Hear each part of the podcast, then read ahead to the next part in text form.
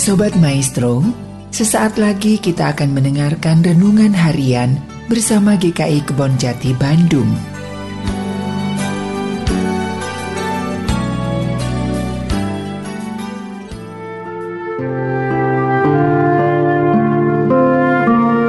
Shalom, Bapak Ibu dan saudara-saudari yang terkasih dalam Tuhan Yesus Kristus. Tema hari ini adalah Be Smile. Terambil dari Amsal 17 ayat 22. Hati yang gembira adalah obat yang manjur, tetapi semangat yang patah mengeringkan tulang. Ketika kita masih menjadi anak-anak kecil atau ketika kita melihat anak-anak yang kecil, rata-rata anak-anak yang kecil suka bergurau dan tertawa.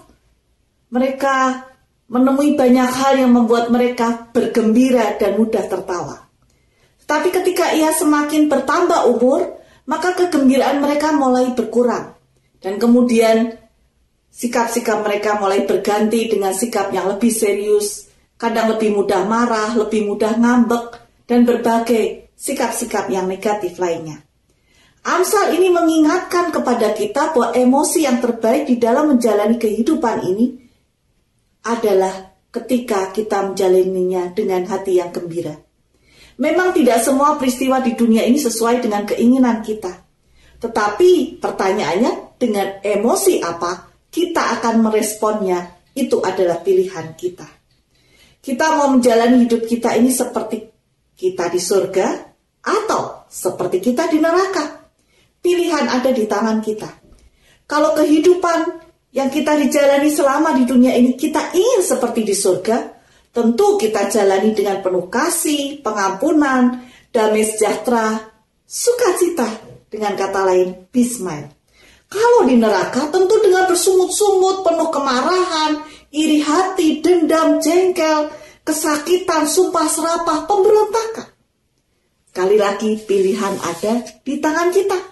Sebagai contoh hal-hal yang kecil di dalam kehidupan kita ketika kita jalan di dalam perjalanan yang ternyata macet luar biasa atau kita melakukan pekerjaan yang berat ataupun juga kita harus melakukan tugas yang tidak kita sukai dan berbagai hal yang tidak sesuai dengan keinginan hati kita, sekali lagi pilihan ada di tangan kita. Apakah kita mau merespon dengan sungut-sungut, dengan marah-marah, atau dengan gembira?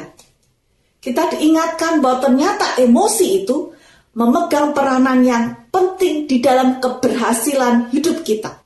Ketika kita mau mulai hari dengan emosi negatif, dengan marah-marah, maka hari itu akan terasa buruk semuanya. Tetapi sebaliknya ketika kita memulai hari itu dengan ucapan syukur, dengan sukacita, maka hari itu akan kita lalui dengan lebih baik lagi. Respon kegembiraan di dalam bekerja juga ternyata membentuk motivasi yang lebih positif konsentrasi yang lebih baik, kreativitas yang lebih uh, menonjol dan juga produktivitas yang lebih baik lagi di dalam pekerjaan kita.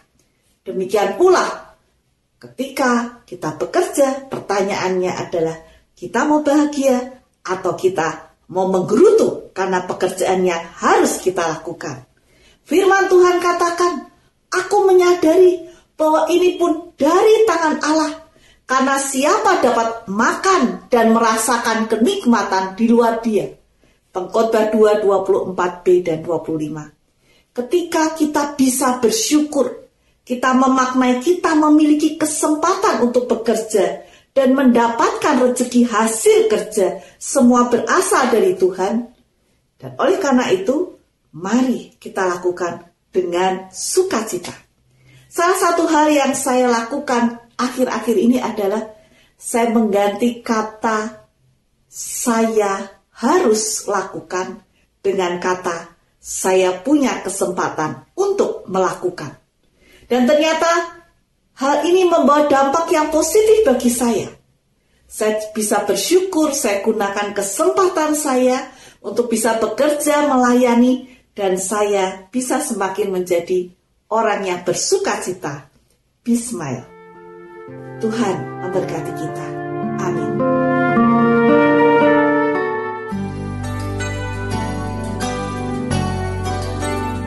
Sobat Maestro, Baru saja Anda mendengarkan renungan harian bersama GKI Kebon Jati Bandung. Tuhan Yesus memberkati.